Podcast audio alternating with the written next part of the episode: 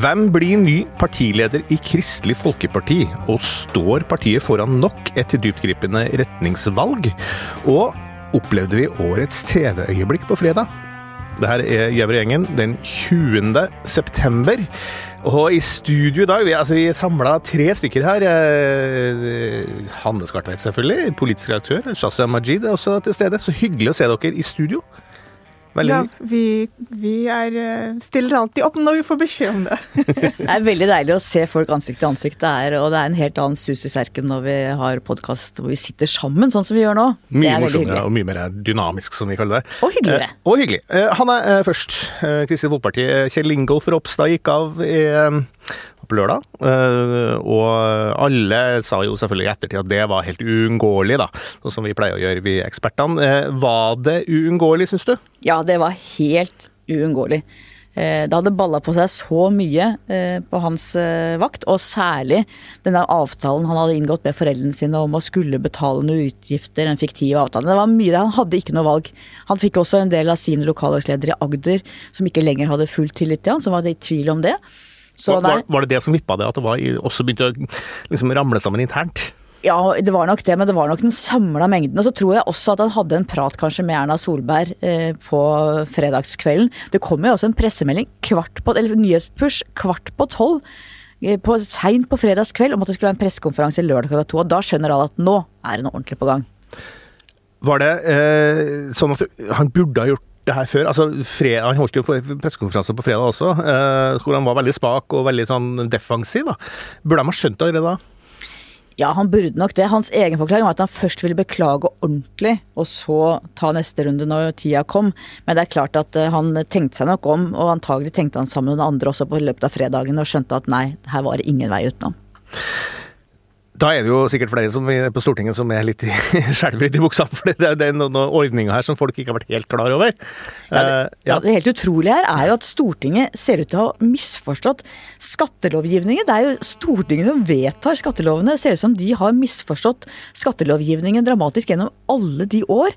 For regelen må jo være Det er ikke sånn at stortingsrepresentanter skal ikke ha noe botid, skal bo gratis. Hele den ordningen med at de får gratis pendlerleiligheter er fordi at de, mange av de flytter fra hjemdistriktet sitt inn til byen for å være stortingsrepresentanter. Mange har fortsatt bolig i hjemdistriktet, skal pleie velgerne. Mange har også familie der. Og da skal ikke de måtte ha to husholdninger. Da får vi bare rikfolk som sitter på Stortinget. Mens altså Ropstad og en del andre ikke har hatt boutgifter på sitt hjemsted der de kommer fra. Og så har de fått gratis leilighet av, av Stortinget, av skattebetalerne egentlig, av oss. Og så har de likevel ikke skulle betale skatt av den fordelen. Det er jo helt oppsiktsvekkende og helt Det ulogisk og helt feil. skurrer jo helt, for, helt håpløst for oss eh, alle. Og skjuler det seg en, en større skandale her? Er det, er det mange som kan bli ramma av det her, på et vis? Ja, nå sies det jo at Stortinget har fått henvendelser fra flere representanter som lurer på er det sånn at de også har havna i denne, denne lille krisa, og det er det nok mange som har. Det er klart, det gjelder jo også eh, stortings, eh, altså stortingsrepresentanter, politiske rådgivere, statssekretærer, det er mange som statsråd, det er mange som blir kalt inn til, eh, til ulike verv i hovedstaden når det er regjeringsskifte eller bare har vært et valg. Og må gjøre det ganske fort også, ikke sant? Ja, er gjør det fort og bryter opp. Og, og nå har, ser det ut til at statsministerens kontor, som administrerer alle som jobber i regjeringsapparatet, de har egentlig visst hvordan det skulle være. Det var jo derfor eh, Kjell Ingolf Ropstad fikk en skatteregning i 2019 eh, på 140 000 kroner. Han hadde bodd gratis på Stortingets regning i alle år. Uten å betale skatt, og så ble han statsråd og tenkte nok at det var likt da, som det er naturlig å tenke, mens eh, statsministerens kontor har hatt en annen ordning, så der fikk han denne baksmellen.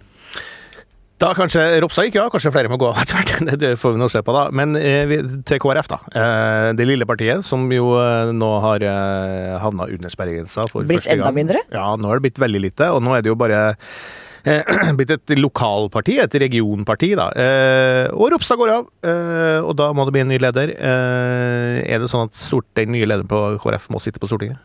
Bør i hvert fall. Det er klart det er veldig krevende å sitte utenfor Stortinget og være leder. Og så var det en problemstilling som også ble reist eh, for meg i en samtale på lørdag, at hvis de skal ha en leder utenfor Stortinget, så må de antagelig også lønne denne lederen. Betale lønn. Og nå har de jo mista massevis av penger òg, for de har gjort det dårlig på valget. Sånn at eh, det Og ikke minst å ha en ny leilighet i Oslo. Å ja, ikke minst ha en Du, eh. Torbjørn Jagland var vel også leder, var han ikke det, mens han ikke satt på Stortinget? Leder for Arbeiderpartiet. Så det har jo, det har jo hatt, uh, hatt sånne eksempler før, har vi ikke det? Og det, det har vært flere riktig, eksempler på det, Ja. men eh, det har vært veldig lite uh, vellykket.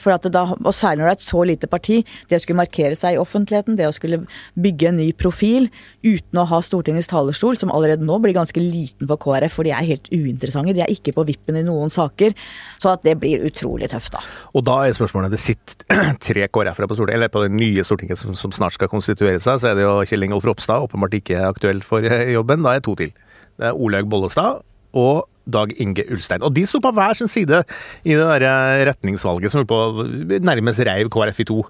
Eh, Så hvis det ble en av de to, så er det jo kanskje et signal om at, ja, at partiet kommer til å gå i den ene eller andre retningen. Ja, noen sier det. Jeg er ikke så sikker på om det er sånn. For, at for det første så var Olaug Bollestad veldig pragmatisk. Mange trodde hun skulle gå til rød side den veien, og at når hun valgte blå side altså Eller disse- opportunistisk, som kanskje andre vil si. Ja, at da hun valgte Erna Solberg og ikke Jonas Gahr Støre den gangen, at så handla det også mye om hennes det vi kaller bakland. Altså hun er fra Rogaland, hvor de er mer konservative enn de er f.eks. i Trøndelag og Nordland og andre steder i KrF.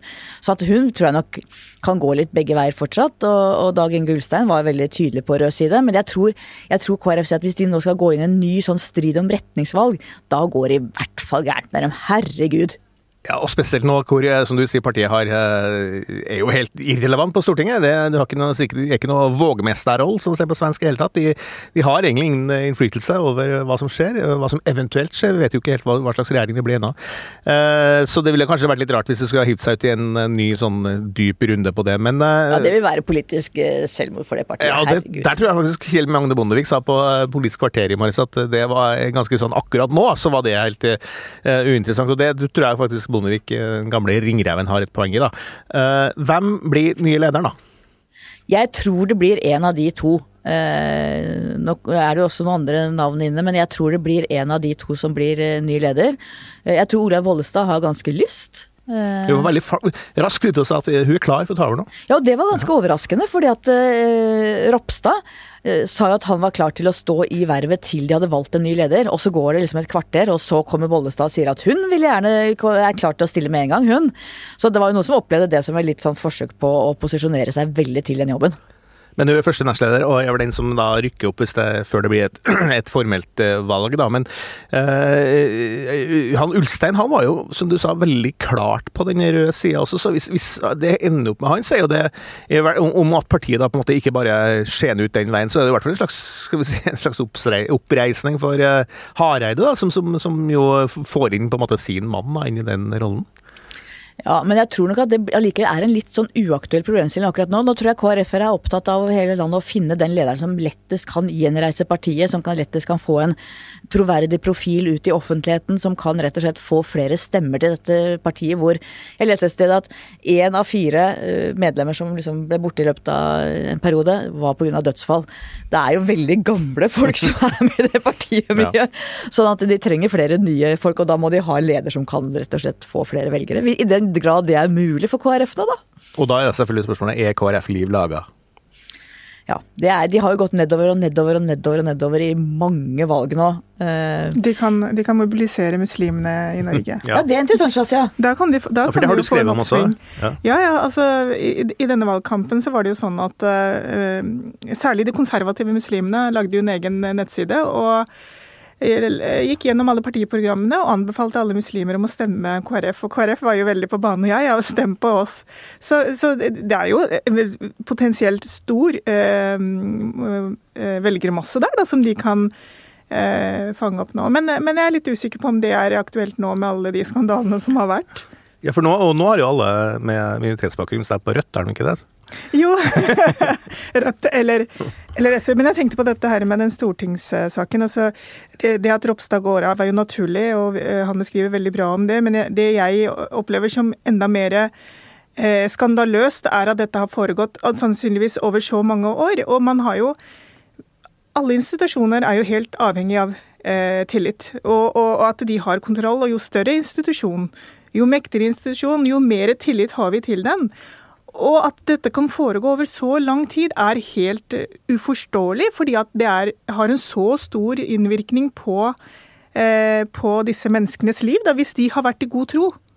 Og tenkt at her er arbeidsgiver på en måte oversikt og vet hvordan eh, dette skal ordnes. For det er jo sånn vi er når vi, når, på jobben også, med, med, telefon og internett og alt mulig. Stoler på at uh, arbeidsgiveren ordner og fikser det. Så det blir veldig spennende å se hva vi finner nå fremover, hvor mange det har rammet. Og jevnt over, Hanne, vi er det jo høy tillit til Norge. ikke sant? Veldig uh, ja, Vi er litt småforkjøla i studio i dag. Uh, veldig høy tillit til Norge mellom politikere og, og velgerne. Er det her en potensiell bombe under det politiske systemet? Det er i hvert fall svekker i hvert fall tilliten. Det er klart folk sitter og kjenner på sjøl hvordan vi er så godt vi kan oppgi riktige ting på selvangivelsen, eh, som sa seg på å stole på arbeidsgiverne våre. Og når det bygges et bilde av at politikerne utnytter ordninger, så er det klart at det kan vi ikke ha. Og det må bygge på litt tillit for politikerne, for det er klart at dette er ordninger som skal ivareta også at folk må kunne velges fra hele landet uavhengig av egen økonomi. Det skal være sånn at du kan, må kunne ha to boliger. Og, og, og vi må jo på en måte forutsette at politikerne ikke sleiper òg. Det må være gode regelverk, men det må også være rom for fleksibilitet. Og da må vi kunne stole på politikerne. Det er mange saker som har vist at det kan vi ikke helt. Jeg hadde bare lyst til å si en ting til eh, Shazia og muslimer nå. for Husk på at KrF tok jo på et tidspunkt for en del år siden bort den såkalte bekjennelsesparagrafen, som sier at du må ha en kristen personlig tro for å være medlem i KrF. Og det åpner enda mer for uh, muslimer som er opptatt av familieverdier og ekteskap mellom mann og kvinne og de tradisjonelle uh, verdiene. Så det er kanskje de religiøse versus de ikke-religiøse, mer enn hvilken gud man tror på, eller hvordan man tror på Gud, da. I år tror jeg på en måte at den der, den der oppmanningen om å stemme KrF kom litt seint. Men nå er den liksom etablert, så det blir spennende om fire år hvordan det gir utslag. Også i Oslo til kommunevalget om to år, da. Det blir spennende. Vi skal over til noe helt annet, eh, som ikke har noe med KrF å gjøre, i hvert fall, i det hele tatt. Eh, på fredag så leverte Fredrik Solvang, som er programleder, eh, for Debatten på NRK. Veldig profilert og, og en, en, veldig markant journalist, som jeg vil si. Eh, leverte kanskje det største, eh, mest gripende TV-øyeblikket i sofaen hos Anne Lindmo på, på fredag. Og en som ble veldig berørt. Altså, jeg ble veldig berørt sjøl, men på morgenmøtet i dag så sa du Shazia, at det der traff deg midt i hjertet. Kan du fortelle litt om hva som skjedde, og hvorfor det var så sterkt? Det er to ting som gjorde det, det jeg, kommer, jeg, kommer, til å huske det intervjuet, altså. Det, det, og det tror jeg sånn opplevde de fleste det. Men det som traff mest, egentlig, det var jo at her sitter en mektig mann, for han er jo det i kraft av den journalistikken han driver, og hvordan han setter på plass uh, regjeringssjefer. Uh, en mektig mann som viser sårbarhet i beste sendetid. For det som skjedde, var at han begynte å gråte? Han, begynte å, han forteller om uh, det å være annerledes. Og det å oppdage at du er annerledes. Eh, hvordan, det, hvordan du aldri glemmer det. Eh, og, så, og, så, ser du gjennom hele den seansen at han kjemper mot tårene, og til slutt så klarer han ikke det, og da sitter denne mannen der og gråter. Og det, det var vondt, men det er også veldig fint å se at Eh, at eh, det, han går foran og åpner det rommet for mektige menn. Mektige menn, strenge menn. For han er jo en terrier på TV-en. For, du, altså Det begynte jo med at han fortalte om sin bakgrunn, uh, adoptert fra Korea, uh, og at han møtte sine biologiske foreldre. og Det så, kjempa han med tårene. Det er for så vidt veldig naturlig, at det er, for det er jo et sterkt personlig ting. Men så begynte han å snakke om rasismen, da, og da var det hun der Tinashe Williamson som eh, modell og, og skuespiller som, som, fortalte om at hun var utsatt for rasisme da hun vokste opp. Og så blir da for, for den Fredrik Solvang spørsmål om jeg opplevde det samme. og åpenbart at det traff en skikkelig hardt. da. men er det du, du, nevnte at, liksom, det at, at en, en, mann det gir deg det liksom sånn ekstra tyngde Eller hva er det for noe? Er det fordi at menn fra minoritetsmiljøet er redde for å liksom åpne opp om sånne ting? Er det det du sikter til? Ja, altså jeg, jeg, skrev jo litt om Abid Raja sin bok, og hvordan en mann i hans posisjon for et patriarkalsk miljø velger å være så åpen og så sårbar, og, og, da baner vei for andre menn. Og, og jeg tror ikke på mål Fredrik Solvang tror jeg ikke tilhører et patriarkalsk miljø, eh, men, men, det er noe med at vi har veldig trange rammer for hvordan menn skal oppføre seg, eh, i offentligheten særlig, da. Og det, det, var Men det som også det som også traff meg, selvfølgelig, er det at du husker første gangen du blir fortalt, eller du forstår at du er annerledes. Og den opplevelsen glemmer du aldri. Ehm, jeg husker jo eh, han Det jeg tenkte på, var at han vokste jo opp på en liten sted. Jeg vokste jo opp midt i hjertet av Oslo, på Romsås. Øh, og i borettslaget vårt, Emanuel borettslag på Romsås, så sto det jævla pakkis på, på, en vegg der. Det var en del av min hverdag som ikke jeg reagerte på engang, fordi Altså, jeg reagerte ikke på pakkis etter hvert. Uh, vi hadde våre mekanismer uh, for å på en måte ufarliggjøre det. Uh, men det jeg husker veldig godt, og dette har jeg også på en måte skrevet om, men for min første erfaring med å forstå at jeg, det er noe rart med meg, da. Jeg var ni år og jeg var på skolen, og det var ikke et annet barn, men det var en annen lærer. En lærer i parallellklassen, og det var Jeg husker dette her som om det skjedde i går. Og, det er lenge siden det skjedde, men det det er, akkurat det som er Det blir formende på et vis da, for, for det lille mennesket. Men hun Det var vinter, og det var snø, og jeg husker alt med det øyeblikket, fordi at vi, vi løper inn alle barna, da alle niåringene, så står hun i gangen og så tar hun huker tak i alle barna og stopper dem og, og sier at de har roser i kinnene. Og jeg forstår ikke da, den gangen hva det egentlig betyr. Stopper hun alle, så hun stopper ikke meg, men jeg stopper sjøl. Fordi at jeg vil hun skal si noe fint til meg også. Og så tar hun tak i meg og så sier hun eh, veldig sånn kald, da. Du kan ikke få roser i kinnene, du. Og så er du over til neste barn. Og jeg forsto ikke den gang, og egentlig lang tid, hva det betyr. Men jeg skjønte i det øyeblikket at det betyr at jeg er annerledes. Jeg er ikke som alle de andre barna. Jeg husker at jeg begynte å gråte. Men forsto ikke hvorfor. Etterpå skjønte jo at hun snakket om min hudfarge. Og det er sånn det er, tror jeg også for en Fredrik Solvang eller en hvem som helst som har hatt en sånn opplevelse, eller sånn som Tanasje Williamson som forteller om denne matpakken ikke sant? Og det, den beskjeden hun får om at hva er Jeg husker ikke hvordan det var, det der med Uansett en forferdelig melding å få da, som et barn. Man mm. bare Og det her er jo Hanne, så, sånne ting altså, Vi som tilhører majoritetsbefolkninga, vi opplever jo ikke sånne ting. Altså, vi må forstå at det, eh, det, det, det her det handler om, det er kanskje litt så små tingene som kanskje ikke mange ser, plutselig kan, som, som er helt uaktuelle for oss. Vi, vi, ser det jo ikke, vi møter det ikke. Og Derfor er det utrolig viktig og utrolig godt med de historiene som har kommet de siste årene, og med Shazia som forteller nå, med Fredrik Solvang som når ut på fredagskvelden med så mange. Jeg tror at det er, har vært en bevisstgjøringsprosess også i majoritetsbefolkningen rundt at de små tankeløse kommentarene blikkene, det som man ikke tenker på fordi man aldri har vært i en sånn minoritetsposisjon, at det nå kommer så tydelig fram, er veldig veldig bra og veldig viktig. Jeg tror at det kommer til å bevege Norge i en viktig retning. En bra retning. Er du enig i det? Så er, er vi kom, altså, Snakker vi på en annen måte om det her nå enn bare for kanskje kort tid tilbake? Ja, det vil jeg si. Og jeg, jeg, jeg skrev om dette i 2013, om akkurat denne episoden med denne læreren, fordi at da også var det eh, startet en debatt om hverdagsrasisme. Og det Fredrik gjør, er jo å eh, løfte den vi, vi må ha den debatten på nytt og på nytt og på nytt, fordi at rasisme og fordommer er jo ikke noe vi blir kvitt de vil jo alltid være der, og det er en påminnelse. Og den påminnelsen når det kommer fra en, eh, en person som Fredrik Solvang, som alle har så stor respekt for, så, han, så, så når det ut på en helt uh, annen måte. Da. Men, men debatten har, har forflytta seg. I fjor så hadde vi jo Black Lives Matter-debatten. Mm. Uh, og dette her er jo veldig kontrastfullt, for på den ene siden så hører vi veldig ofte at vi har ikke rasisme i Norge. Vi har ikke systemisk rasisme kanskje i Norge. Men vi har rasisme i Norge. Og, og jeg mener, hvis du leser min innboks, så har vi rasisme i Norge.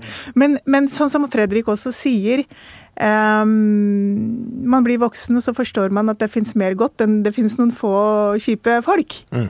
Og det er jo også min erfaring.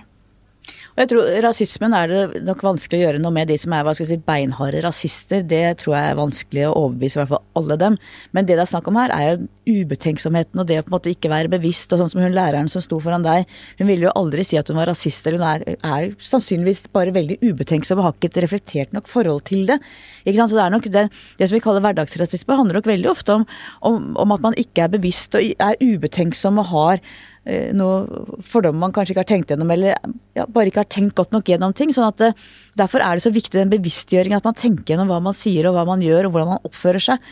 Eh, For det er jo det er ikke nødvendigvis beinhard rasisme, det er rett og slett at man ikke helt ser hvordan man sjøl er bare andre mennesker. samtidig så er det jo det er jo, det er jo mye rasisme her ute. også. Jeg ser på, Absolutt, det, og det som jeg syns er alltid så, så merkelig når det kommer sånne saker som her, så blir mange blir så sinte, liksom. Ja, men i Norge finnes det jo ikke rasisme, hvorfor skal vi dra fram det grann her? Eh, og liksom, er et eller annet med at vi blir liksom personlig krenka av det, men, men vi, det er jo viktig å snakke om det som er er ugreit. Det, og, det, og det er jo det som eh, er så viktig at det løftes fram. Jeg så på Fredrik Solvangs Facebook-side, han la ut sin fortelling om det her, så var det kanskje Jeg husker ikke tallet, et enormt tall, sånn, mange tusen likes og delinger og sånne ting, så det viser jo at det er jo et var, Han åpna mange dører her. Ja, det som jeg tenker på er jo at um, Det er viktig for meg å si, selv om det er helt unødvendig å si det. De fleste av oss er jo ikke rasister. Altså, jeg møter sjelden ren rasisme. Eh, veldig ofte er det fordommer og alt det der. Men samtidig så syns jeg det er, det er vanskelig å snakke om det. Når du har kommet i en viss posisjon og i en viss alder, så er det vanskelig å snakke åpent om at dette syns du er ugreit. Ikke sant? For Eh, hvorfor det? Fordi at man blir lyst, ikke lyst til å være sånn Man har ikke lyst til å ikke sant? Fordi du være får veldig- sutrete, liksom? Ja. ja. Det å være sutrete, eller det å, å spille offer. Det er ofte det jeg har fått slengt i ansiktet også. Jeg husker jo for noen år siden at det var snakk om noe rasisme. Eh, Hvordan eh, mørkhudede journalister møter rasisme. Og da også opplevde jeg det. Og nå skal de liksom sutre i disse maktposisjonene. Og? Du kan være mektig, du kan være hvem som helst, da. Men, men, men det, er, det er en akilles hæl her, da. Eh, Så, så mesteparten av tiden og, og jeg mener, det er jo ingen hemmelighet. Alle vi journalister får jo mye rart i innboksen. Noen får for eh, vekta si, eller bare det at du er en kvinne. altså Det er trigger for folk, liksom. Men, men det der med, med, med hudfargen, det, det Hver lille Det er sånn du, du, du hakker borti hele tiden, da. Men er det blitt lettere å snakke om det Shazia, siste par årene, eller er det fortsatt like vanskelig? Jeg syns det er veldig befriende eh, å se at det er mange flere stemmer. Jeg husker jo på 90-tallet, det var bare pakistanere som, som snakket om det, på godt og vondt. ikke sant? Alt skjedde jo med pakistanere. Tvangsekteskap, eh, gjengvold, alt var pakistanere. Så, så nå er det bare så mange flere stemmer, og vi har fått en mye bedre eh, debatt. Vi har en veldig god debatt i Norge, syns jeg. Der slutter vi, altså. Det er veldig nydelig. Så vi har hatt en god debatt i Norge. Vi kommer fremover, og vi, blir, eh, vi er på vei mot noe bedre. Det syns jeg er en fin måte å slutte på. Eh, takk eh, til Shazia Majid for eh, ja, fin fortelling, syns jeg. Eh, takk til Hanne Skartveit. Og eh, mitt navn er Hans Petter Sjøli. Og mannen som alltid gråter en skvett når vi har sending, er vår produsent Magne Antonsen.